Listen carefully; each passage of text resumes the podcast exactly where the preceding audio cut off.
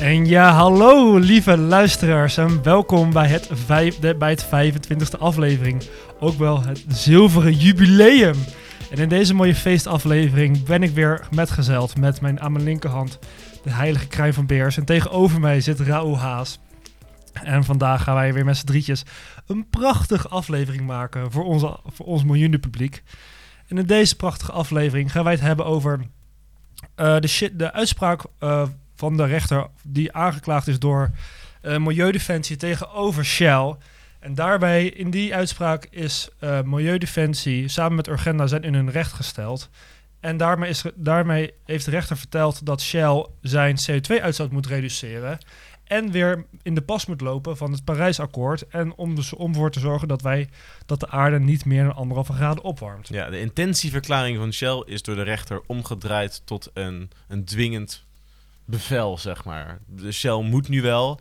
En ze gaan waarschijnlijk een hoger beroep. Want ja, waarom ook niet? Zoveel kost de rechter niet als je, als je een groot multinational bent. Zo. Uh, maar het is, derm het is zo ingesteld dat Shell, totdat er een uitspraak is geweest in het hoger beroep, zich aan deze uitspraak moet houden. Oké, okay, maar voordat we verder de diepte in gaan...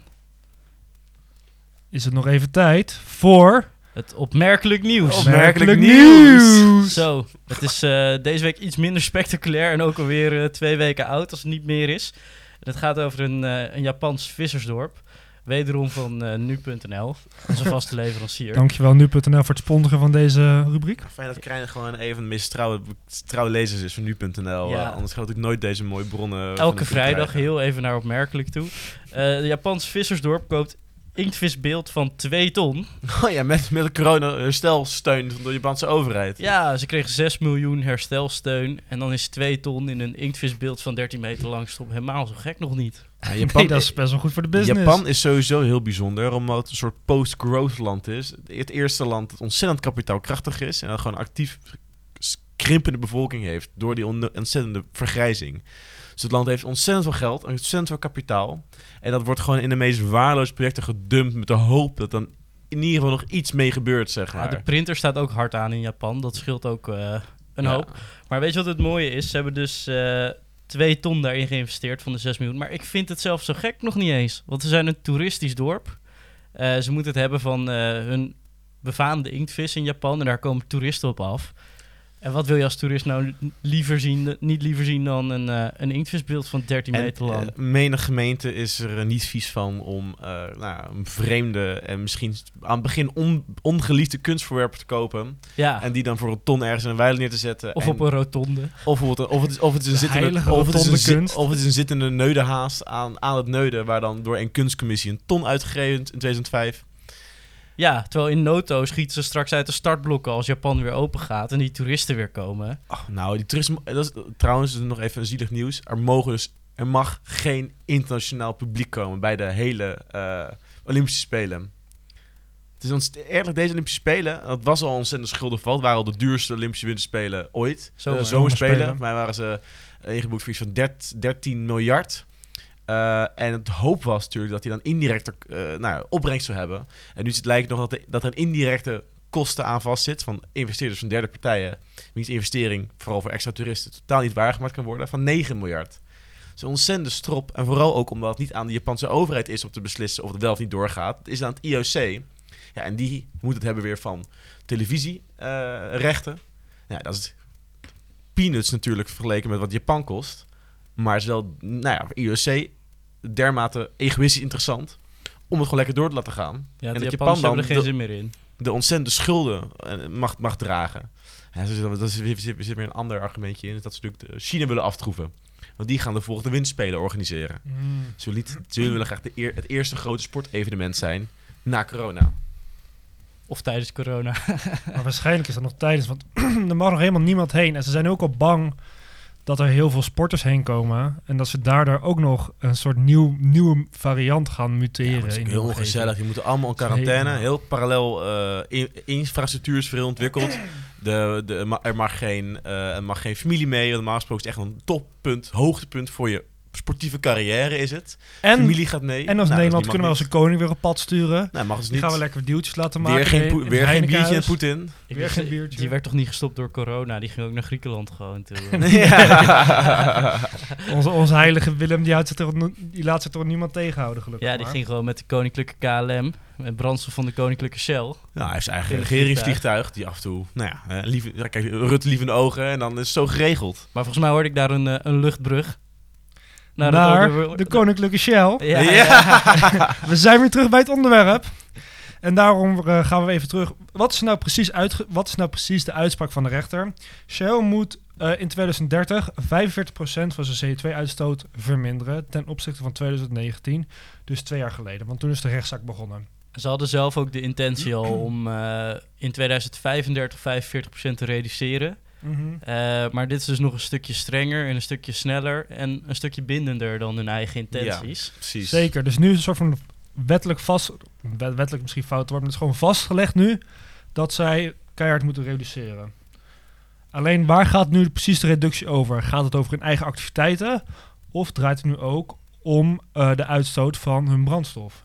Nou, ik had begrepen dat zeg maar, je hebt blijkbaar een aantal boxen. Ik weet niet precies hoe dat precies stelt. Je hebt er drie. Je hebt er drie. Eentje is namelijk ehm, is het directe activiteit waar je mee bezig bent. Dus voor Shell zou het dan betekenen het opboren Het Oh, opboren en, en, het raffineren en van je brandstof. Nou, en dat, dat is dan één box van vervuiling. Nummer twee is de energie die jij inkoopt. Eh, goederen die jij zelf inkoopt voor je Ja, eigen gebruik. Dus aardolie die jij haalt om jouw schepen te laten varen. De gas en de stroom die jij importeert om, jou, om jouw eh, raffinaties, raffinaderijen raffinaderijen, goed te, te laten draaien. En dan box 3 is wat anderen met jouw producten doen. En dit betreft dan alleen maar box 1 en 2. Dus de directe kosten, die, eh, vervuiling die Shell zelf maakt. Die indirecte vervuiling van box 3. Dat is niet onderdeel van, deze, van dit reductie. Ja, het is wel een Eh, inspanningsverplichting, dat, ja. maar dat is veel minder streng dan een Maar dat resultaatverplichting. kan dus wel betekenen dat dus als dus een plan opperen, Shell, ehm, en dat betekent, en waar ze zeggen van nou, we gaan, een nieuw, we gaan deze uh, raffinaderij gaan we uitbreiden, dan kan de agenda kan dus naar de rechter gaan en zeggen van dit is niet in lijn met hun intentieverklaring, dus moet invalide verklaard worden. Nou, dat is natuurlijk wel een nuance achter, maar dat, kan, dat kan ontzettend veel die investeringen onmogelijk maken. En ze mogen geen nieuwe eh, bronnen eh, gebieden aanboren, zeg maar. Gebieden waar ze niet actief zijn, daar mogen ze geen nieuwe bronnen halen. Dus ze zijn nu wel actief in het Poolgebied net en voor het van Brazilië. Daar mogen ze gaan doorboren, ook nieuwe, ehm, nieuwe gaten graven, boren. Maar Mhm. niet bijvoorbeeld in, in een nieuwe regio, bijvoorbeeld voor de kust van, eh, van, ehm, ehm, Ja, dus de stel, wordt ja. ergens een, in een ander land een nieuwe bron gevonden waar olie is, ja. dan mag Shell daar niet een, eh, een exploitatiegebied gaan Ja. openen.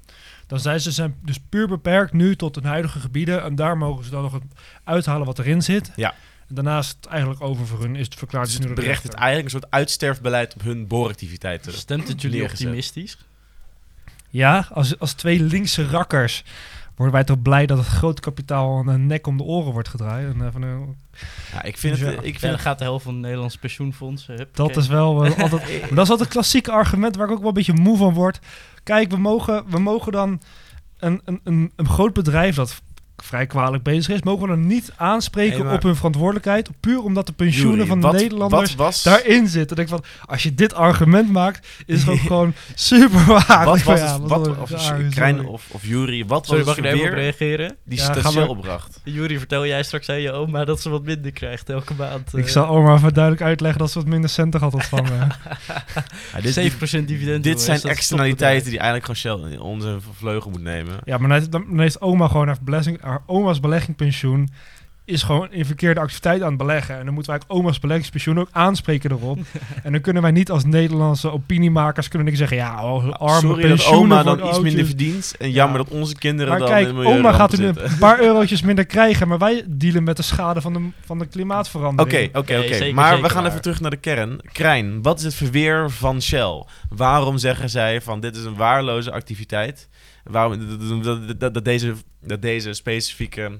Ze hebben eh, er gewoon geen rechtszaak. zin in om vast te zitten aan een verplichting. Nou ja, hun verdediging is natuurlijk... Als wij je kan ons wel verbieden om op te boren. Maar dat gaat niks veranderen qua milieudoelen. Want andere bedrijven gaan gewoon dat gat vullen dat wij leeglaten. Ja, dat is natuurlijk wel het geval. Als je kijkt naar die, vel, die velden in Suriname, die gaan dan niet eh, opgeboord worden door Shell. Maar Shell mag ze wel verkopen straks. Dus er komt vast een, eh, een heel mooi grimmig Surinaams bedrijf, of eigenlijk een Amerikaans bedrijf. Nou, Suriname heeft onder Bouterse al zijn natuurlijke grondstoffen al echt tegen spotprijzen verkocht. Om daar vervolgens eh, ja, raar begrotingsbeleid mee te gaan voeren. Zo Eh, prachtig altijd in die landen. ja, dus dan krijg je dus dat er, dat er dus een schimmige partij komt die veel schimmiger is dan Shell. En dan, nou ja, er echt een rotzooi van maakt daar. Heb je bijvoorbeeld ook gezien bij BP, die hadden vanuit hun eigen vergroeningsambities, hadden ze een, eh, een oliegebied in, in Alaska afgestoten. Dus dat hebben ze verkocht aan Hilcorp. Dat is een, eh, een Texaanse oliecowboy, om het maar zo te zeggen. Nou, die hebben echt niks voor met het klimaat. Die zijn ook lekker gaan boren. Die hebben geboord en die zijn veel minder efficiënt en schoon en zuinig dan BP. Nou, nou ja, dan komt eh, Bloomberg, het persbureau, komt erachter dat ze veel meer hebben uitgestoten. En zo krijg je veel meer van dat soort gevallen. Eh, dus het is altijd de vraag, hè. Hebben we onze... Ik bedoel, Shell is een soort van onze vriend en ook onze vijand. Het is een beetje een ongemakkelijke verhouding die we daartoe hebben. Maar weet je tegenover wie we echt een ongemakkelijke verhouding hebben? Saudi Aramco bijvoorbeeld. Of eh, het, Chinese staatsbedrijf met olie. Of een Gazprom. Of noem je partij uit Rusland maar op. Ja. Ja, het is natuurlijk vooral uit autoritaire staten waarin nou ja, die, die, olie, die, eh, die zuivere en domme olie- en gasproductie een probleem is. Maar dat had ik in de Rudy en Freddy shows ook aangegeven. Het is niet alleen maar alsof dit, alsof dit in als dit bij Shell gebeurt, zeg maar. Voor mij was, is dat bij eh ehm, ExxonMobil heeft dus een, ehm, een ac- activistisch hedge fund heeft twee, eh, twee milieuactivistische bestuursleden op, de, ra- op het raad van bestuur, in de raad van bestuur gekregen. Dus het is wel een bredere, een bredere beweging. En op een manier is ook jurisprudentie om dit in democratische staten in ieder geval voor meer bedrijven te doen. Ja, zeker. En natuurlijk denk ik het, het klimaatprobleem, en dat de recht is ook op ingegaan, zeg maar. En dat zij, dat zij is ook het best wel zwak gegaan. Die heeft misschien in een rapport van 50 pagina's, hebben ze daar twee linia's aan besteed.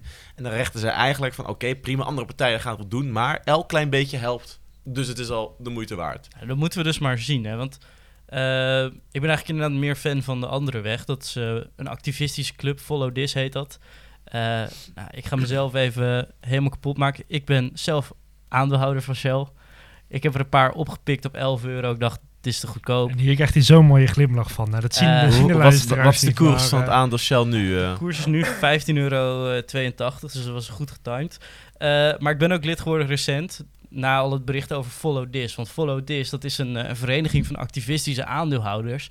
En die zitten nu bij allemaal olieboeren zoals Shell, maar ook in Amerikaans hebben ze laatst zelfs een resolutie aangenomen gekregen. Maar er zitten resoluties eh, in te dienen om meer ambities voor die vergroening eh, te bewerkstelligen. Dus die, die jongens die zitten er hartstikke lekker op. En in plaats van dat ze het via rechten proberen af te dwingen, doen ze het gewoon op de manier waarop ik het als liberale jongen het liefst zie. Je koopt gewoon die aandelen, je komt naar die algemene vergadering en je slaat met je vuist op tafel en je zegt, potverdikkie ben van Beurden. Maar ja, aan de Dit gaan we niet doen. eh, met 30% van de aandelen, wat ook wel ontzettende vooruitgang is in vijf jaar. Want vijf jaar geleden waren het er nog maar 13. Ja, ze werden gesteund met 30%, dat is echt Alsnog, veel hè. Eh, heeft, de, heeft, het hele bedrijf gewoon gezegd van ja, boeien, we gaan die kant niet op, we hebben geen zin erin. Ja, maar in de VS, hè, daar was het dus de eerste keer dat ze überhaupt een resolutie eh, over tafel mochten voorleggen. En dat bedrijf, ik ben even de naam kwijt, maar die heeft, ge- die heeft geadviseerd aan tijdens de vergadering: doe het niet, jongens, we staan hier niet achter. En gewoon 52% Ja, ja, ja, ja. van de, Eh, van het de Shell, aandeelhouders. Nee, dat was niet Shell. Dat Oh. was, eh, ik denk, een of andere middelgrote Amerikaanse olieboer. Het is niet iets waar we in Europa echt veel over horen. Chocona of zo, het was een hele vage Ken- naam. ken ik niet.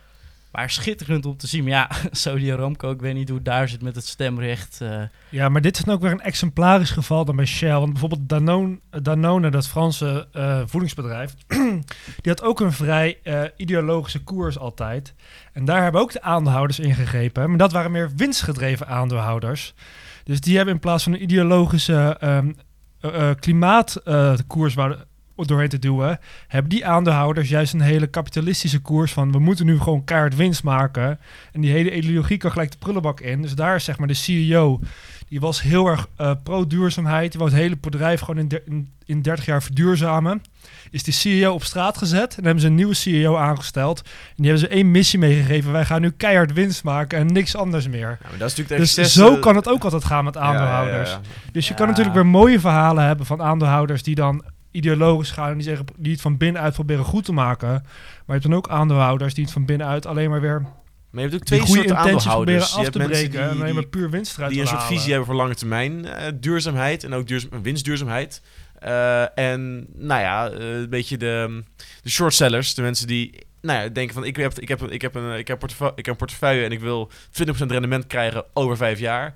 Eh, voor al miljarden. En dan moet ik gewoon een paar bedrijven omleggen. Nou, boeien, die trekken we helemaal leeg. We kopen HEMA op. Nou. En dat, eh, we kopen HEMA op, zitten vol met schulden. En dan verkopen we het weer na een Dat paar zijn jaar. niet echt shortsellers. Hè. Nu moet je moet Ja, wel het onderscheid waar, maken tussen Ja. hedge funds en Hedge funds, ja. die ja. kunnen ook short gaan. En als je short, short sell is heel belangrijk. Hè? Want als een bedrijf heel slecht bezig is en echt onzin verkoopt, dan kan je als shortseller kan je dat bedrijf eigenlijk gewoon kapot maken. En sommige bedrijven verdienen het om kapot Dat te ne- maken. dat- dat is oké. dat is een worden. Zo ben ik ook wel. Dat soort cellen is een soort, is een soort meelij eh nekschot eh, tegen een leidend dier.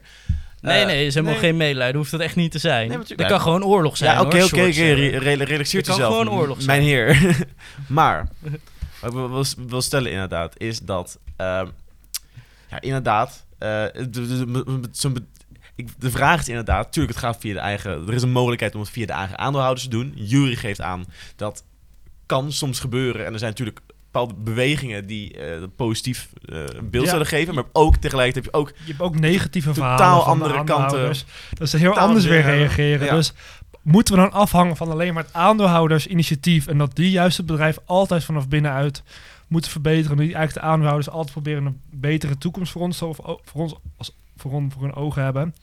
Of is dit initiatief van via de rechter het af te dwingen via een eigen wet, via hun eh, regelgeving. En ze op deze manier op te leggen dat ze moeten verduurzamen. Ja, het is echt een soort. Het is natuurlijk een heel rare externaliteit. Een extra kosten die een bedrijf maakt. Eh Jury natuurlijk ook net over gehad, zeg maar. Ja. in ons fantastische vak. Eh het toch helemaal terug als vak, Ro? ah, heerlijk, heerlijk. Externaliteiten. eh, het, concept, het idee dat je als bedrijf een kosten maakt die je zelf niet eh, schoudert. Maar die je wel, maar, maar, die Ja, de rest van de van die andere individuen of de rest van de maats- maatschappij zeg maar wel last van heeft. Nou, in dit geval is het uitstoot. CO2, of global warming. Ehm, en ja, dat, bedrijf moet ook gewoon kicking en screaming aan een lurven, zeg maar, een kant op getrokken worden. Want anders hun, instinct, zeg maar, totaal in, om, om totaal iets anders te doen. Tuurlijk, hè, we hebben het emissiehandelssysteem in Europa. En dat, eh, dat is ook echt fantastisch hoor. Daar ben ik ook een groot voorstander Nou, van. Ja, het is toch oké, maar het is maar, ook het is niet corrupt als optimaal, pest. Eh, het is niet en optimaal, zitten maar daar- allemaal, er zitten, er allemaal gaten eh, aan haken en ogen aan. En dit, uiteindelijk... Want ik heb een, eh, stuk, ik heb een stuk gelezen over een, over een activistische groep... ehm, die bij het eh, algemene pers- eh, ambtenaren pensioenfonds zaten in, eh, in Nederland. Dat is, even, dat, is, de top 10 grootste pensioenfondsen ter wereld. Met echt 500 miljard in beheer. En die proberen ook het ANP ook een veel duurzamere koers mee te geven. Want Die zeggen zelf, het is, een, het is een cultuurverandering. Heel veel mensen investeren is niet rationeel, vaak. Kijk naar Keynes, die, die, die beschreef, zeg maar. Heel veel, veel investeerders lopen achter elkaar aan. Eh, het heel vaak ingeroeste, eh, ehm, ingeroeste gebruiken, bedrijven of, of bepaalde gebieden waarvan men denkt vanuit het verleden, uit kennis uit het verleden, dit gaat, dit, die, dit gaat werken, dit blijft werken. En die zeggen van, en dat, dat, dat heeft ook overlap mee met dus die, eh, met de huidige eh, rechtszaak, is dat het moet een cultuurverandering zijn. Eh, van ook een bedrijf zoals Shell, dat kan gewoon duurzaam gaan werken. Dat kan duurzaam winst maken. Maar het idee is, nou dat werkt niet. Waarom? Omdat in het verleden heeft dat nog niet genoeg voor winsten gezorgd. Maar fossiele brandstoffen wel. Maar dat is natuurlijk het probleem dat je het redeneert uit het verleden. Niet, niet met toekomstpotenties. ja, en misschien boor je een nieuwe markt aan met bizar goede marges. En, eh, Uiteindelijk moet Shell natuurlijk ook gewoon energievoorziener zijn. En dat kan het ook wel zijn met een grosse vermindering van nou, de fossiele brandstoffen. Maar dat moet ook gewoon, dat een cultuurverandering die doorheen gesleurd moet worden. Nou, en uiteindelijk is Shell ook een goed fonds eigenlijk. Hè. Het, is een grote, het is een groot, een groot kapitaal-unit, a- eenheid, dat rond, kan, dat rond kan schuiven en dat kennis heeft met energievoorziening. Het is gewoon een machine met eh 80.000 werknemers. Ja, ja, en dat, kan, en dat, en dat Zeker. werk kan natuurlijk ook de andere kant op geduwd worden. Nou, het is hier dus, dus, dus gebeurd. Eh, en uiteindelijk denk ik ook dat je als, als land... eh, ben je natuurlijk verantwoordelijk voor jouw bedrijven. Die eh, bedrijven die kunnen op jou rekenen. In dit geval is het eigenlijk Nederland met onze eigen wetgeving. Die dus is ons bedrijf, waar wij ook verantwoordelijk voor zijn. Die ook kan bail-outen in het geval van een crisis. Die ook gewoon nou, de bedrijf verantwoordelijk maakt voor haar acties. En ook op de Nederlandse lijn neerzet. Ik denk dat het goed is. Vind je dat niet een beetje... Als je kijkt naar de uitspraak van de rechter, er werd al wel over gezegd...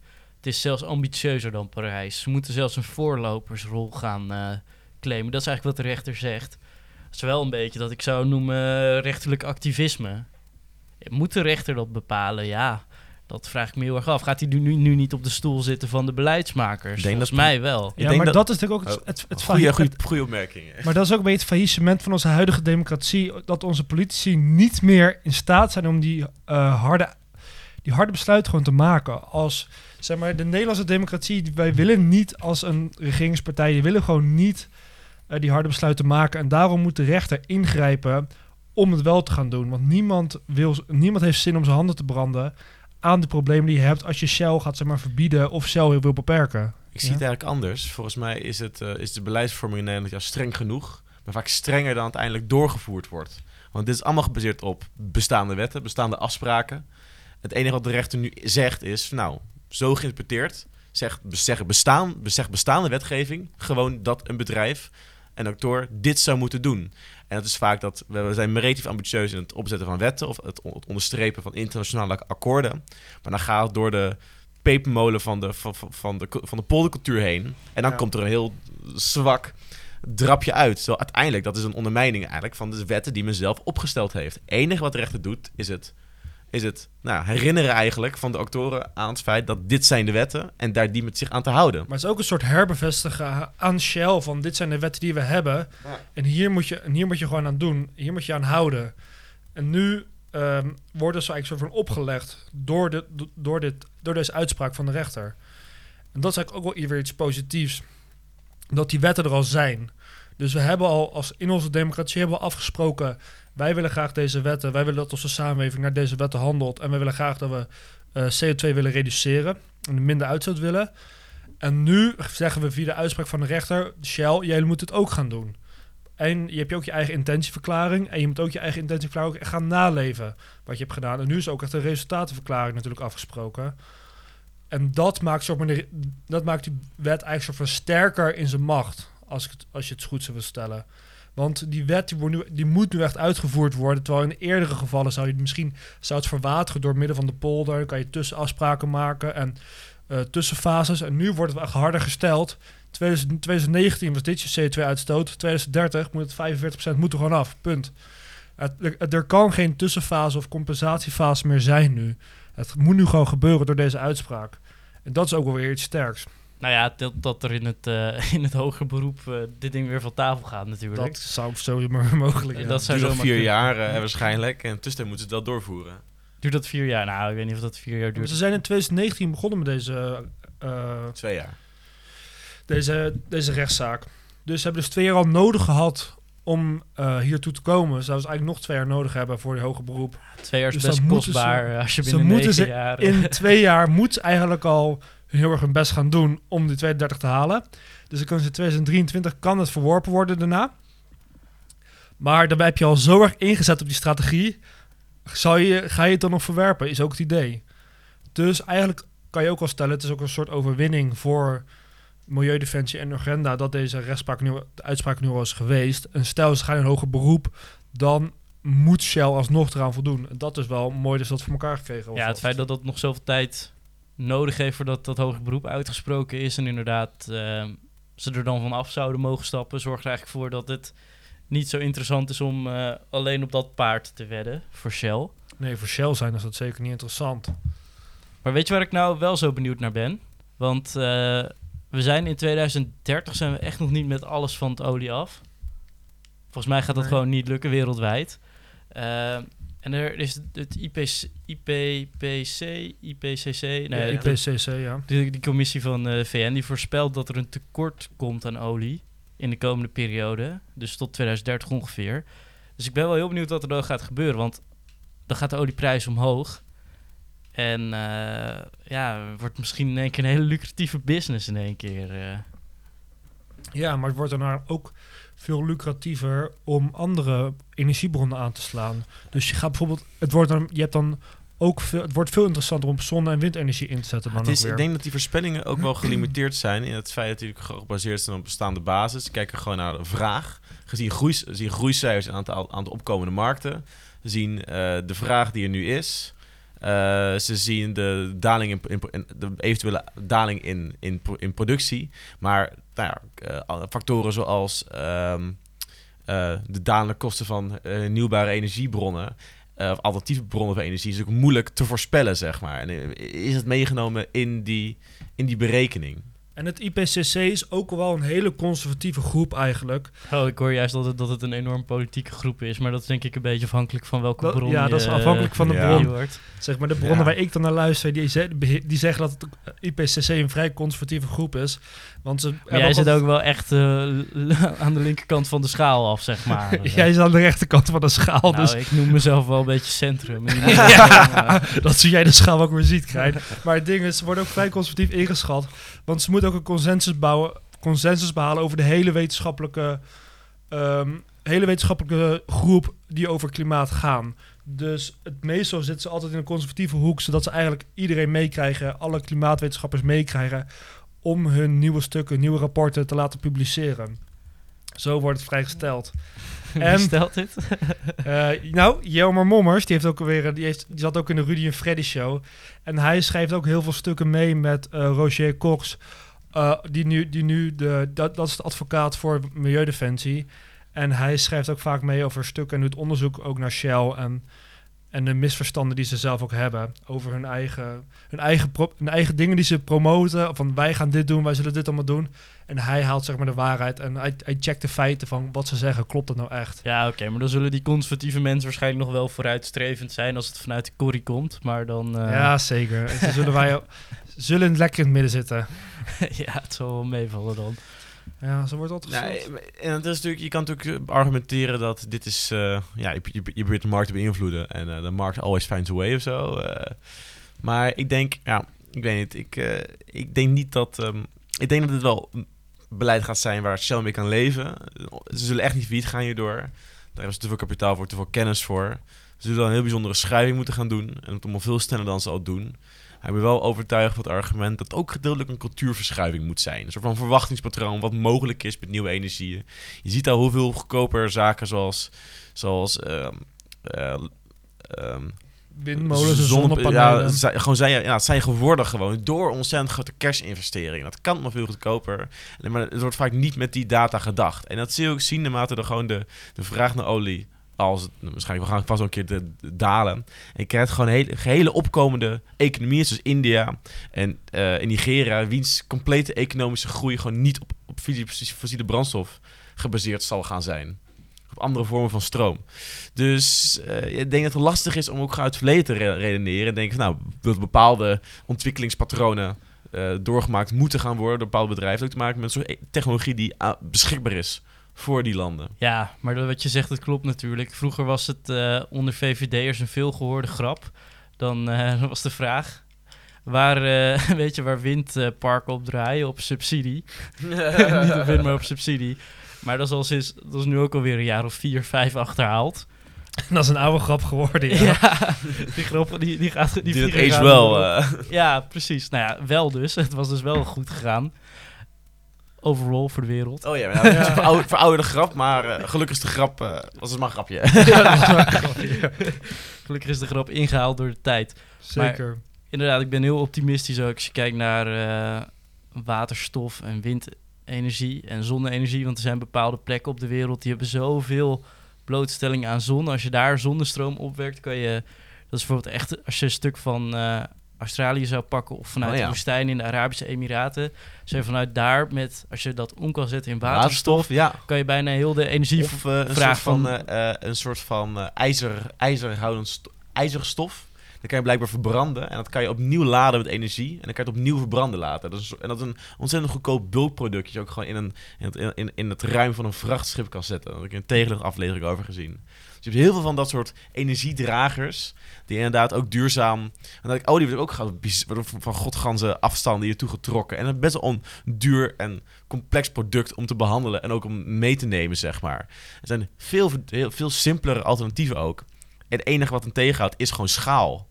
Uiteindelijk. Dat is ook sowieso wat er. eh, ik weet niet waar ik dit vandaan heb, maar er was een, eh, een theorie. Oh, ik denk van een van mijn vakken over mm, eh, energie en de, nou ja, over de eh, energietransitie. We gaan ook, je ziet dat de mensheid van minder compacte energiedragers naar steeds compactere energiedragers gaat. Dus in het begin was het heel veel hout en turf. En dan gaan we langzaam, gaan we, nou ja, dan veel later gaan we al naar olie. En daarna gingen we naar gas, wat ook al compacter was en zo. Nou ja, komt er dus een volgende stap. En eh, sommige mensen dachten dat het uranium was, maar dat kan bijvoorbeeld ook nou ja, waterstof zijn of eh, die ijzerstof waar je het net over had. Ja. Dus ik ben heel benieuwd wat we voor ontwikkelingen we gaan zien in de komende Het is natuurlijk jaren. sowieso dat de, de, de, de manier hoe de overheid ook de, ont, nee, de milieuontwikkeling. Want ik denk, we gaan terugkijken over jaren of 30. Ik, waarschijnlijk naar een succesvolle klimaattransitie. Ehm, hopelijk. In ieder geval Ja, nee, gedeeltelijk. waarschijnlijk wel, want er kan nog heel veel gaan gebeuren natuurlijk. En we gaan Ja. ook heel hard met waterstof en de zonnepanelen zijn ook hartstikke goedkoop. Ja. Windparken bouwen zichzelf al tegenwoordig op zee. ja, En precies. die zijn ook zelfs ook gewoon winstgevend. En dat, is- en dat kan ook gewoon heel erg snel gaan. We huizen gaan van het gas af. Kijk, er zijn natuurlijk wel transitieproblemen ook. Je loopt altijd tegen problemen aan. Het is allemaal niet heel makkelijk. Maar over 30 jaar, en dan kijken we naar die problemen weer en denk ik van ja, hadden, was, het, was dit het nou? Was dit nou zo lastig? Dus mensen hebben ook een heel selectief geheugen. Mensen zijn er Ja. heel goed in om de negatieve dingen Ja. uit hun herinneringen weg te nemen. En, het, en het mooie is, in de jaren 60 moesten wij van kolen naar het gas toe. Toen had je ook hele groeperingen, blijf van mijn kolen af. Ja, ja, dat ja. ik hele, het dat hele hordes mensen. maar niks dat zij hun dure, dat zij een duur nieuw gasstelsel Ja. moesten aanschaffen En- van de overheid. want- Die leidingen, gedoe allemaal. Zo van, blij, ik wil gewoon kolen stoken. Mijn huis draait op kolen. Gore gas komt mijn huis niet Zo, in. ik ben blij dat we dat niet meer doen hoor. Dat je dan in je huis zo'n kolenkacheltje hebt staan. hele kamer helemaal zwart. Ja, en dat je daar ook dan je avondeten op moet gaan koken. En we hebben ook Dat geleerd dat uiteindelijk dat economische groei ook helemaal geen, eh, ook helemaal geen, niet een, niet, een verschil met de jaren 70 bijvoorbeeld, waarin nou, tegelijk met het opkomen van de, van de milieubeweging, eh, was ook een soort end of history, end of growth vooral, eh, narratief dat het heersend was, dat er, dat grenzen zaten van de economische groei. Nou, dat werd losgelaten. En juist ook door het eigenlijk omarmen van die economische groei, maar op een, eh, op een milieubewuste manier, ehm, is het ook ja, heel makkelijk geweest op een bepaalde manier. Dus het begint ook nu langzaam makkelijk te worden om met de economie mee te bewegen. En ook die, die vrije markt die ons krachtig is, ook voor ons te laten werken, zij het gecontroleerd naar een doel, eh, namelijk van CO2-neutraal. En dat, dat vind ik heel ontzettend eh, behulpzaam, zeg maar. Want het is langzaam niet meer het geval dat, dat, dat overheden moeten vechten tegen grote bedrijven, tegenover grote instellingen, tegenover grote, grote kapitaalstromen. Die, die beginnen nogal langzaam mee te, mee te schuiven. Ook Ja. al heeft het nogal wat duwen nodig. Maar grote kapitaalstromen wi- willen ook gewoon rendement halen. En op een gegeven moment, zeg maar... Ja, ze willen ook dat hun kinderen gewoon nog op Nee, een eh, zeker, maar- bewoonbare aarde maar kunnen leven. het, het mooie was, zeg maar... Je hebt ook een Noors, eh, een Noors staatsoliefonds. Dus alle inkomsten van de Noorse olie, eh, olieinkomsten gaan in dat fonds. En dat fonds is gewoon een heel groot beleggingsfonds. En dat wordt ook bij als duurzame voorloper gezien. En op een gegeven moment, voor mij een jaar of vijf geleden, zijn zij op een gegeven moment gestopt met het investeren in kolen. Of in, in, in- of, eh, in kolenbedrijven en eh, energiebedrijven, energieproducenten die nog op kolen werkten. Puur gewoon omdat ze gewoon uitgerekend hadden. Kijk nou hoeveel, hoeveel kostte kolen en hoeveel levert het op. Zij kwamen gewoon de rekensom gedaan. Dit is gewoon niet winstgevend. Punt. We stoppen hiermee. En het werd gevierd in de hele wereld. Oh, kijk, dit goede bedrijf. Ze zien ze zijn klimaatverandering. Maar als er gewoon een redenering was, ja, het, het kost dus gewoon geld. We- Dit levert gewoon niet genoeg op. Er zijn betere manieren. En Nee. dat, zou, dat gaat met alle grote kapitaalstromen gewoon gebeuren. Je gaat gewoon kijken, waar kan ik goed geld verdienen? Is het een olie of is het een duurzame optie? En als de duurzame optie gewoon meer gel- geld oplevert, ja, dan gaat het gewoon in die duurzame optie. En daarbij, daarbij horend, je kinderen gaan er ook weer iets beter op leven waarschijnlijk. Ja, dat hoop je dan. Dat hoop je dan. Dus dat helpt natuurlijk ook altijd mee in de argumentatie. Waar, gaat de grote, waar gaan die geldstromen heen? En dat zorgt er ook gewoon veel, veel makkelijker voor dat er geld in al die investeringen gaan voor de duurzame transitie. Nou, zeker jongens. Dus dat komt vanzelf allemaal wel goed. Nou, vanzelf zou je het zeker niet willen zeggen. er zijn een aantal flink lelijke eh, rechtszaken voor nodig geweest. Ja, maar die, die Nou ja, valt wel mee, hè, want we zien dus meerdere bewegingen tegelijkertijd. En die activistische aanhouders, zoals ik het het liefst zie, en die rechters. Maar dat, is, de- dat is een beetje een dark side continues, hè jongens. Er zijn nog steeds mensen die claimen dat, ook als de steeds gemarginaliseerde groep, die of klimaatverandering, nou ontkennen heb je bijna niet meer, maar wel, Nou. ma- wel eh, marginaliseren of eigenlijk wegreneren. Stel, het is Nou. belangrijk, of het valt mee, belangen nodig, of de, de impact van bepaalde acties. Nou ja, Ja, maar dat Of, is ook wel een eh, hele kleine groep die wel heel erg luid is ook. Nee, Ja. nee, nee, oprecht. Maar je hebt, dat, is, dat is eigenlijk de, de nieuwe klimaatontkenners. Is eigenlijk die klimaatnuanceerders. Maat- Die- Volgens mij zijn dat zo, is dat zo'n marginale groep. Ik ben veel minder bang voor. Ik ben, ik ben banger, bedoel ik, voor eh, plekken die niet zulke verlichte bolwerken zijn, zoals Saudi-Arabië. En die gewoon olie uit de grond krijgen als een schep. eh. nou, het zijn juist landen zoals Saudi-Arabië die weten, en dat, dat zie je ook met hoe, hoe ze met hun geld nu omgaan. Dat zij het ontzettend dom. eh, dat zij compleet van het olie en gas ook eigenlijk gewoon weg willen rommelen. Want het is ontzettend kwetsbaar. Ook in vraag en aanbod. Die willen hun economie het liefst zo, zo eh, divers mogelijk zien. En uiteindelijk is het voor het Westen natuurlijk ook ontzettend krachtig. Hè? Want wie blijven dan nog de grote oliefabrikanten? Nou, dat is een paar gemarginaliseerde golfstaatjes, zoals Iran. eh, Rusland. eh, Rusland, En Venezuela. Rusland die willen wel een paar graden erbij, want die, die hebben het nog wel koud. Ja, eh. precies. Nou, je kunt heel veel blijven stoten, uit gaan stoten. Maar dat, die economie is te klein om dat nog altijd de wereld weg te trekken. En Dat kunnen we wel weg, weg embargoen, zeg maar. dus ik denk, dat wel- ik denk dat het wel goed komt, zeg maar. En ook een land zoals China, die zit er ontzettend heftig op in. Kijk, het gaat ons, gaat heel, gaat ons probleem het niet oplossen. Heel veel problemen blijven er nog steeds. En het CO2-probleem is niet het enige van milieuvervuiling. Dus het, eh, er gaan wel genoeg komen. Nou ja, dus of rechters of activistische aandeelhouders. Ik denk Of dat ze doen het wel- saampjes. Of ze doen het saampjes. Dan de een, dan de We ander. dumpen gewoon als CO2, gewoon, maak gewoon bakstenen van. Maar, Maar jongens. Omdat dit een jubileumaflevering is, hebben we wat te vieren. Wij hebben een eh, goede vriend van ons, een goede producer, Secco, eh Secco Beats. Prosecco. eh, Prosecco. zo- Zo'n echte artiestennaam. Heeft voor ons nog een mooi afsluitingsnummertje gemaakt.